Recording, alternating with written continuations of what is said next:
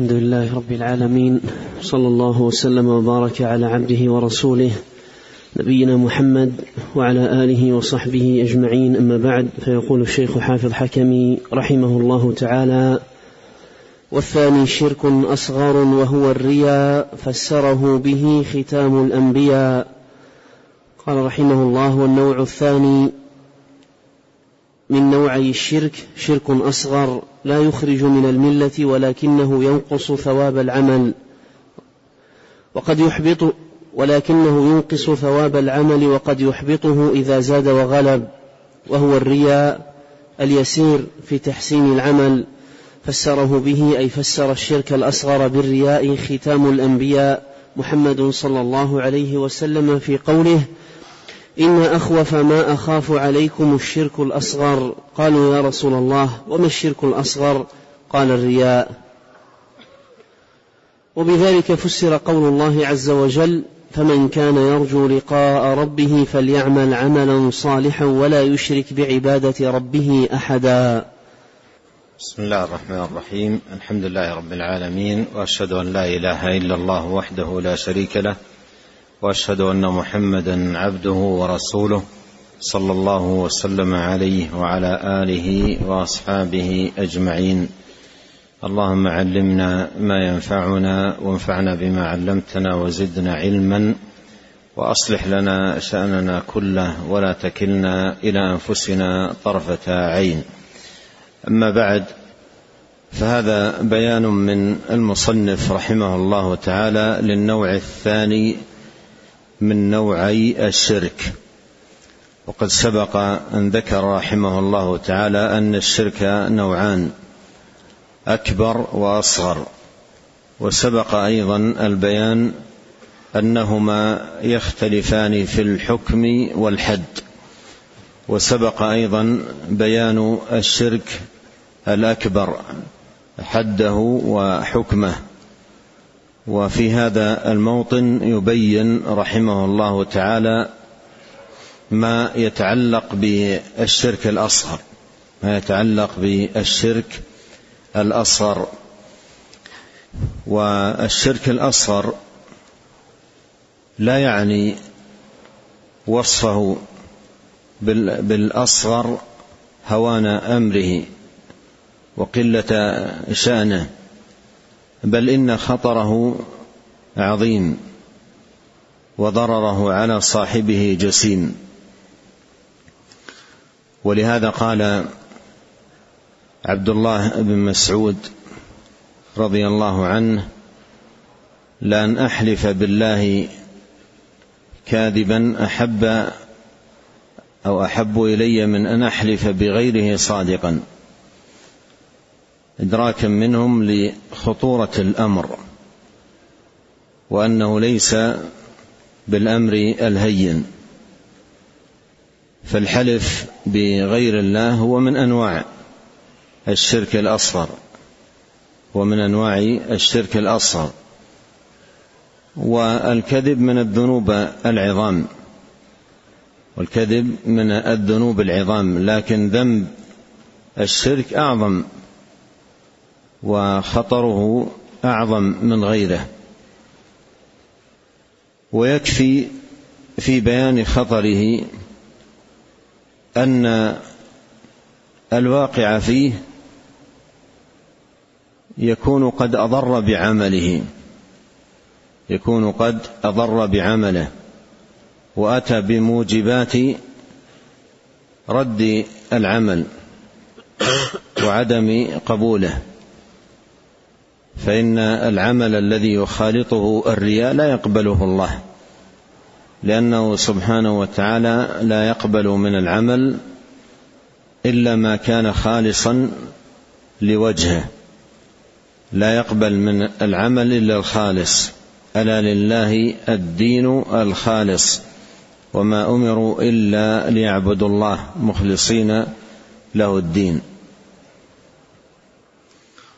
لكنه يوصف بالأصغر مقابلة للأكبر الذي هو أعظم الذنوب وأشدها على الإطلاق. والشرك الأصغر من حيث حده هو كل ما جاء في النصوص وصفه بأنه شرك ولا يبلغ حد الأكبر ولا يبلغ حد الأكبر. فما وصف من فما وصف في النصوص بأنه شرك ولا يبلغ حد الأكبر فهو أصغر شرك أصغر. وهو يكون في الوسائل والذرائع التي تفضي إلى الشرك الأكبر وتؤدي إليه. وهذا أيضا مما يوضح خطورة الشرك الأصغر. الشرك الأصغر من خطورته أنه قنطرة ومعبر قد يفضي بصاحبه إلى الشرك الأكبر عياذا بالله سبحانه وتعالى من الشرك بنوعيه. ومما يوضح أيضا خطورة هذا الأمر ما يكون في كثير من أفراده من الخفاء. بل جاء الوصف لذلك بقوله الشرك الخفي. ومن خفائه قد يتسلل إلى النفس والمرء لا يعلم لا يعلم ولهذا جاء في التعوذ اللهم إني أعوذ بك أن أشرك بك وأنا أعلم وأستغفرك لما لا أعلم. الحاصل أن المؤمن الناصح لنفسه يجب عليه أن يكون على معرفة بالشرك بنوعيه يراد بها أي هذه المعرفة الحذر التام من الشرك والوقوع والوقوع فيه لأن من لا يعرف الشر من الناس يقع فيه وكيف يتقي من لا يدري ما يتقي. الذي لا الذي لا يدري ما يتقي كيف يتقي؟ شيئا لا يدريه ولا يعرفه. ولهذا من أعظم أسباب اتقاء الشرك أن يعرف وأن يعرف خطره وأن يوقف على النصوص التي تبين ذلك. ومن هنا أيضا ندرك أهمية مثل هذه الكتب المباركة التي ألفت في بيان التوحيد. جمعا لمسائله ودلائله حتى يكون المسلم وطالب العلم وطالب الحق والهدى على بصيرة وعلى بينة من دينه. قال رحمه الله تعالى في تعريف آه، الشرك الأصغر قال وهو الرياء. ثم بين في الشرح أن المراد بالرياء يسيره. وذلك أن الرياء نوعان. الرياء الخالص وهو الذي وصف الله سبحانه وتعالى به المنافقين. قال يراءون الناس. يراءون الناس.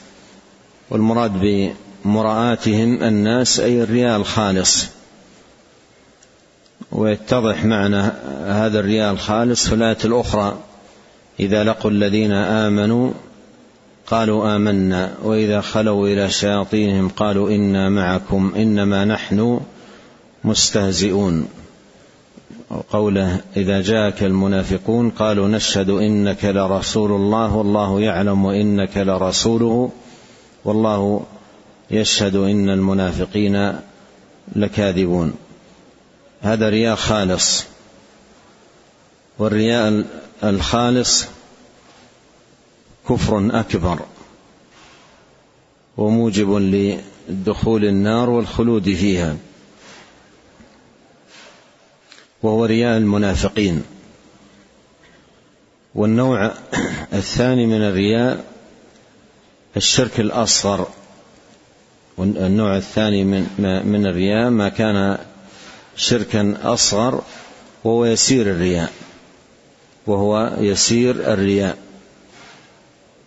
بحيث يكون صاحبه من أهل التوحيد من أهل الإخلاص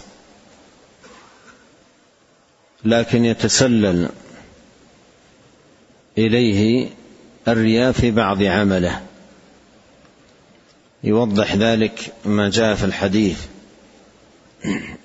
ولعله يأتي عند المصنف رحمه الله تعالى قال عليه الصلاة والسلام إن أخوف ما أخاف عليكم آه، الشرك أو ألا أدلكم على ما هو أخوف عليكم عندي من فتنة المسيح الدجال؟ قالوا بلى يا رسول الله. قال الشرك الخفي يقوم الرجل فيصلي فيزين صلاته لما يرى من أثر رجل. هذا من أهل التوحيد هذا من أهل التوحيد من أهل الإخلاص وأيضا خرج من بيته لله طالبا طالبا رضا الله سبحانه وتعالى ثم وهو في صلاته مر من عنده شخص معظم عنده له مكانه فزين من صلاته من أجله لا من أجل الله. أصلح من قيامه وأصلح من وقوفه أصلح من هيئة ركوعه أو من هيئة سجوده من أجل هذا الشخص الذي مر من عنده ورآه. فكان هذا التزيين والإصلاح للصلاة في هيئتها في هيئتها من أجل هذا الشخص أو الأشخاص فلم يكن لله. فهذا يوصف بأنه يسير الرياء يسير الرياء. ليس رياء خالصا ليس رياء محضا وإنما هو يسير الرياء. ويسير الرياء موجب لرد العمل الذي خالطه. موجبا لرد العمل الذي خالطه. لأن رب العالمين جل في علاه لا يقبل إلا الخالص. أما الذي جعل لغيره فيه نصيب وشركة لا يقبله. كما قال سبحانه وتعالى في الحديث القدسي أنا أغنى الشركاء عن الشرك. من عمل عملا أشرك معي فيه غيري تركته وشركه. تركته وشركه. معنى تركته وشركه أي رددت عليه عمله ولم أقبله منه لأنه سبحانه وتعالى لا يقبل إلا الخالص والخالص هو الصافي النقي الذي لم يرد به إلا الله سبحانه وتعالى جل في علاه. وقول المصنف رحمه الله تعالى وهو الرياء في تعريفه للشرك الأصغر قوله وهو الرياء هذا من تفسير الشيء ببعض أفراده. تفسير الشيء ببعض أفراده وهذه طريقة معروفة في في في البيان والتفسير. ويأتي في في الآثار كثيرا. يفسر الشيء ببعض أفراده أو يفسر بأخطر أفراده. مثل ما جاء عن بعض السلف في تفسير الطاغوت قال الشيطان فيسير الرياء هذا آه، شرك أصغر شرك أصغر. والشرك الأصغر يدخل تحته أشياء كثيرة ربما يأتي بيان شيء منها عند المصنف رحمه الله تعالى. قال رحمه الله وبذلك فسر قول قول الله عز وجل فمن كان يرجو لقاء ربه فليعمل عملا صالح صالحا ولا يشرك بعبادة ربه احدا هذه الآية الكريمة ذكر فيها ذكر فيها شرطي قبول العمل. وأن العمل لا يقبل إلا بهذين الشرطين فليعمل عملا صالحا ولا يشرك بعبادة ربه احدا. فالعمل لا يقبل إلا إذا كان صالحا خالصا لا يقبل إلا إذا كان بهذا الوصف صالحا خالصا عملا صالحا ولا يشرك. فالعمل اشترط في قبوله عند الله سبحانه وتعالى أن يكون صالحا. والصالح الموافق للهدي. الصالح الموافق للهدي هدي النبي صلى الله عليه وسلم. كما قال في الحديث الصحيح من عمل عملا ليس عليه, عليه أمرنا فهو رد. فهو رد أي مردود على صاحبه غير صالح. لأن يقبل عند الله سبحانه وتعالى غير صالح لأن يقبل عند الله. فالذي يقبل هو الصالح والصالح الموافق لهدي النبي الكريم عليه الصلاة والسلام. وقوله ولا يشرك هذا اشتراط الإخلاص في العمل. بأن يكون نقيا صافيا لم يرد به إلا الله سبحانه وتعالى.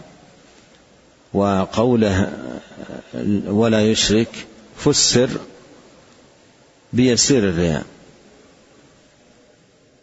فسر بيسير الرياء. وهذا واضح لأن المأمور به في الآية البعد عن الشرك كله قليلة وكثيرة. نعم. قال رحمه الله تعالى وعن شهر بن حوشب قال جاء رجل إلى عبادة بن الصامت فقال أنبئني عما أسألك عنه. أرأيت رجلا يصلي يبتغي وجه الله ويحب أن يحمد ويصوم ويبتغي وجه الله ويحب أن يحمد ويتصدق ويبتغي وجه الله ويحب أن يحمد ويحج ويبتغي وجه الله ويحب أن يحمد. فقال عبادة ليس له شيء. إن الله تعالى يقول أنا خير شريك. فمن كان له معي شرك فهو له كله لا حاجة لي فيه. ثم أورد رحمه الله تعالى هذا الأثر عن عبادة بن الصامت رضي الله عنه. أن سائلا سأله أرأيت رجلا يصلي يبتغي وجه الله؟ ويحب أن يحمد. ويحب أن يحمد. يعني اجتمع عنده هذان. يبتغي بعمله وجه الله وفي الوقت نفسه يحب أن يحمد. لاحظ يحب أن يحمد جعلها من غرضه في صلاته. وإصلاحها وتزيينها ومثل ذلك في صيامه وصدقته وحجه. يفعل ذلك يبتغي به وجه الله وفي الوقت نفسه يحب أن يحمد. أما إذا لم يقع هذا في في في نفسه طلبا لهذا الشيء عند قيامه في العمل وحمد وأثني عليه خيرا بذلك هذا من عاجل بشرى المؤمن. هذا من عاجل بشرى المؤمن. لكن إن إن, إن فعل ذلك قصدا يبتغي به وجه الله وفي الوقت نفسه يحب آه، أن يحمد يحب أن يحمد. فهو يفعله وقد قام في نفسه طلب. محمدة الناس. فهذا يكون دخل عمله ما يخل بخلوصه وصفائه ونقائه. فسأل هذا السائل عبادة بن الصامت عن الرجل يكون كذلك في عبادته. فقال عبادة ليس له شيء ليس له شيء. ليس له شيء أي ليس له ثواب على عمله ذلك. إن الله تعالى يقول أنا خير شريك فمن كان له معي شرك فهو له كله لا حاجة لي فيه. وهذا ثبت عن آه، ثبت في الحديث القدسي آه، أن الله سبحانه وتعالى يقول أنا أغنى الشركاء عن الشرك. أنا أغنى الشركاء عن الشرك. من عمل عملا أشرك معي فيه غيري تركته وشركه. تركته وشركه أي رددت عليه عمله ولم أقبله منه. نعم. قال رحمه الله تعالى وعن أبي سعيد الخدري رضي الله عنه قال قال رسول الله صلى الله عليه وسلم ألا أخبركم بما هو أخوف عليكم من المسيح عندي؟ قال قلنا بلى قال الشرك الخفي أن يقوم الرجل يصلي لمقام الرجل رواه أحمد. وفي رواية يقوم الرجل فيصلي فيزين صلاته لما يرى من نظر الرجل لما يرى من نظر رجل إليه. نعم هذا حديث أبي سعيد الخدري رضي الله عنه وفيه أن النبي عليه الصلاة والسلام دخل على أصحابه يوما وهم يتذاكرون فتنة المسيح الدجال وفتنته أعظم الفتن وما من نبي بعثه الله سبحانه وتعالى إلا وقد انذر قومه وحذرهم من هذه الفتنة. ومن خطورتها أن أمرنا بالاستعاذه منها دبر كل صلاة. دبر كل صلاة. بل عد بعض أهل العلم هذا التعوذ من واجبات الصلاة. وهذا كله مما يدل على خطورة هذه الفتنة. وأنها من أعظم الفتن.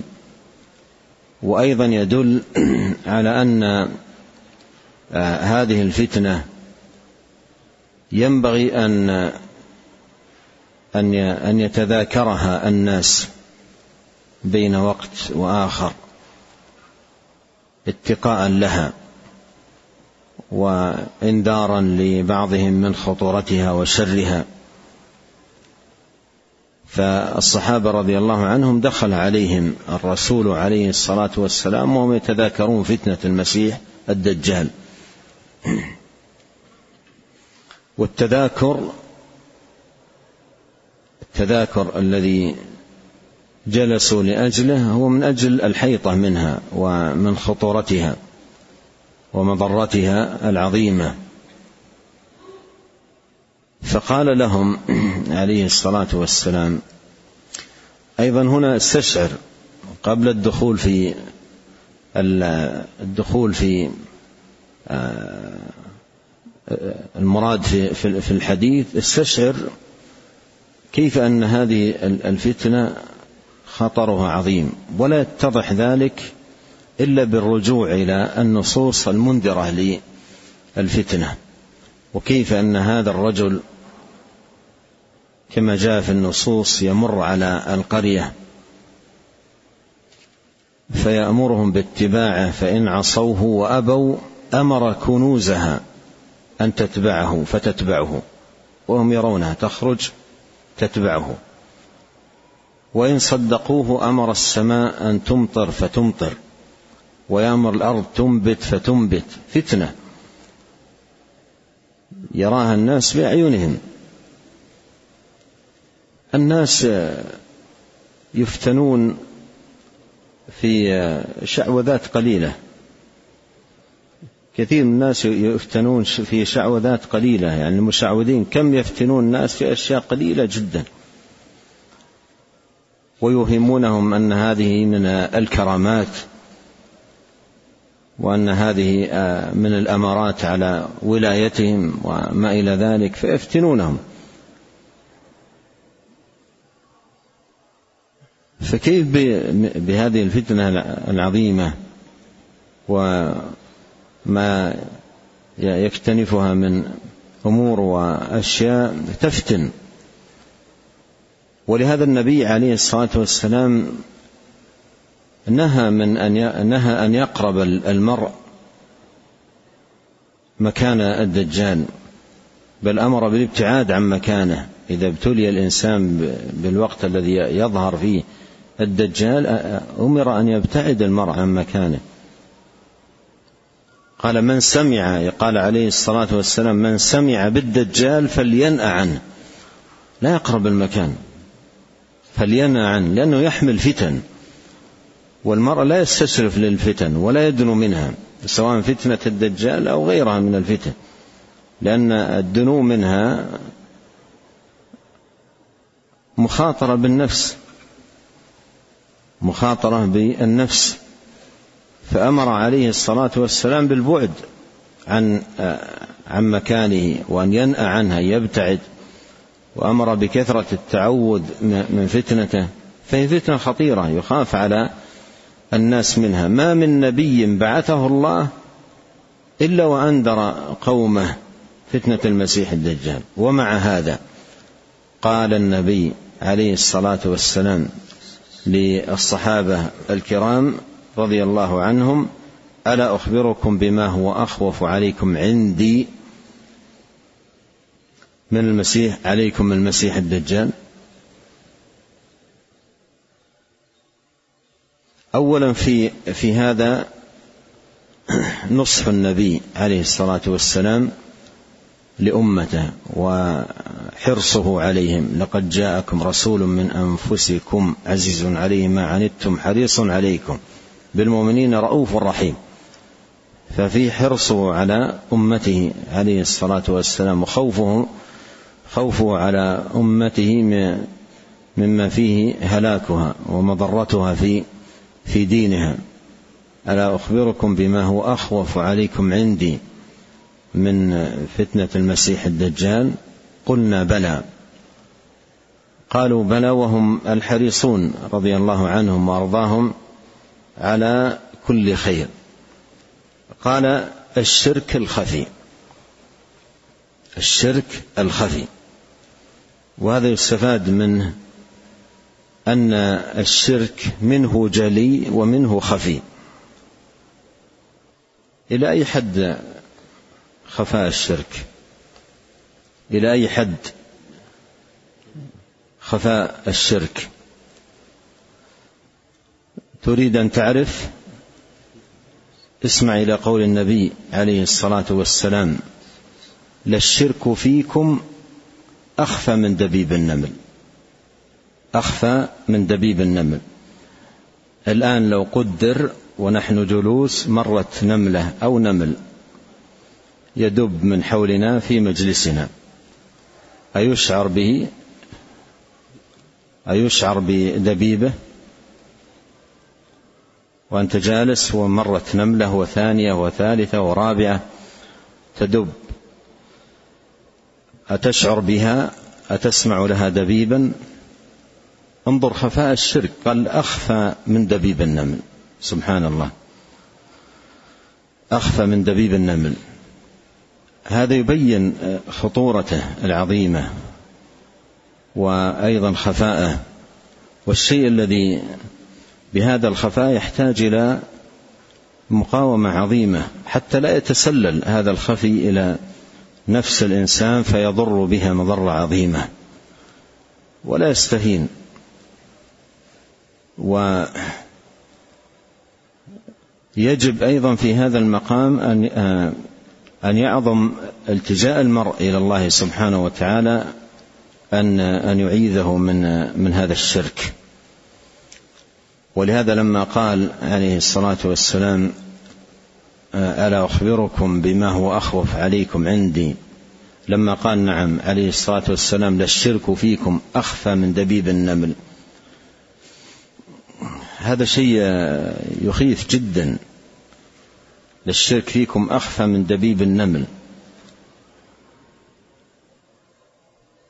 قال ناصحا في الوقت نفسه ألا أخبركم بشيء؟ إذا قلتموه أذهب الله عنكم قليل الشرك وكثيره. قلنا بلى يا رسول الله. قال تقولون اللهم إنا نعوذ بك أن نشرك بك ونحن نعلم ونستغفرك لما لا نعلم. وهذه الدعوة وهي ثابتة عن نبينا عليه الصلاة والسلام. دعوة عظيمة جدا في هذا الباب. ينبغي أن يعتني بها المسلم.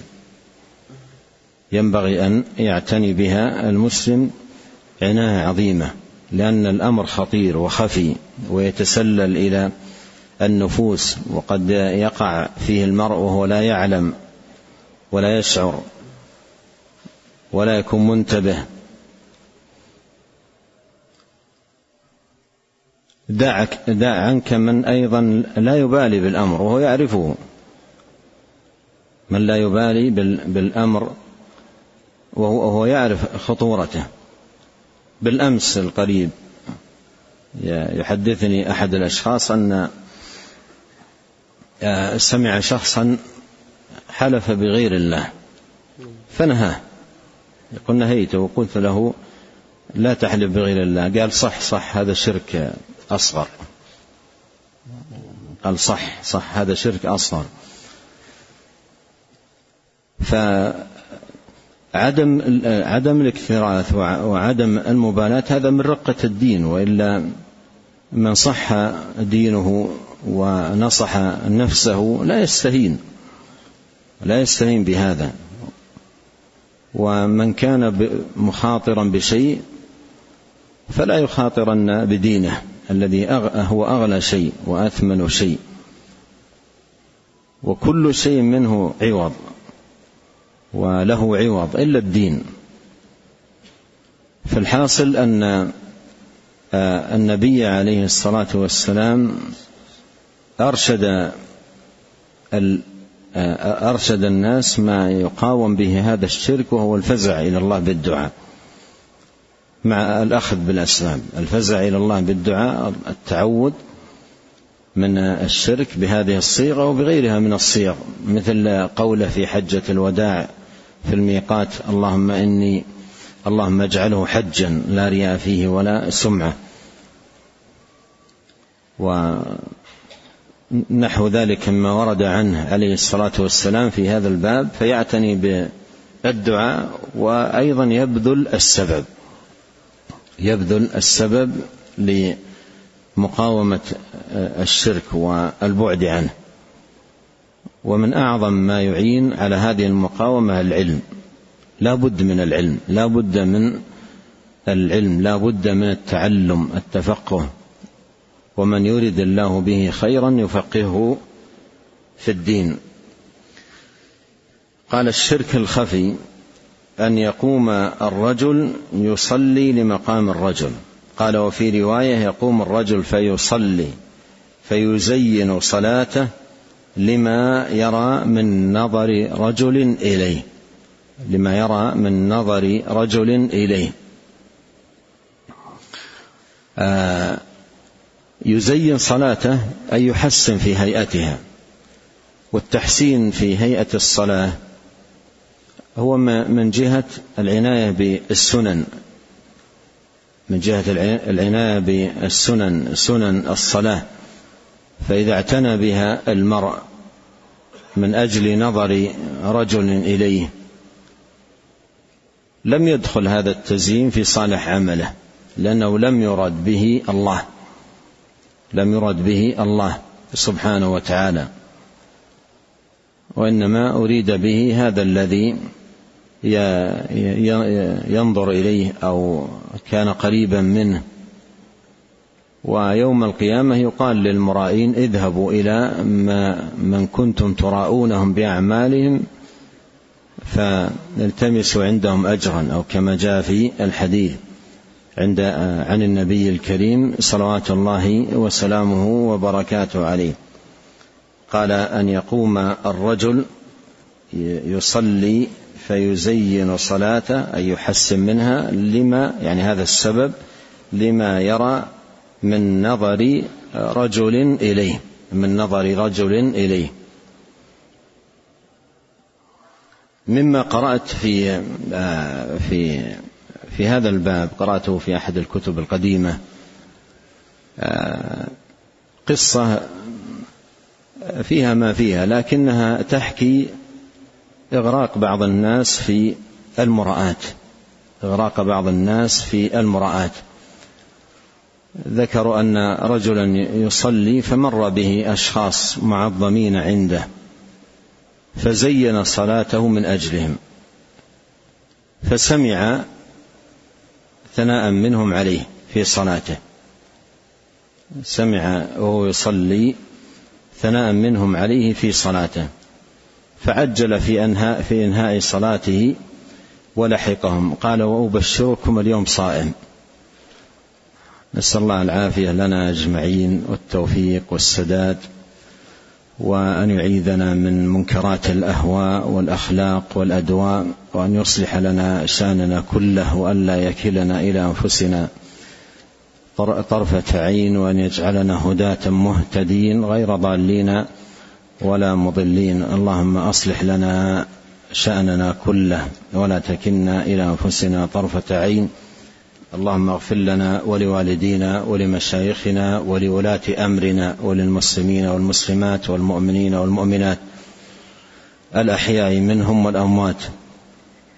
سبحانك اللهم وبحمدك أشهد أن لا إله إلا أنت أستغفرك وأتوب إليك. اللهم صل وسلم على عبدك ورسولك نبينا محمد وآله وصحبه. جزاكم الله خيرا.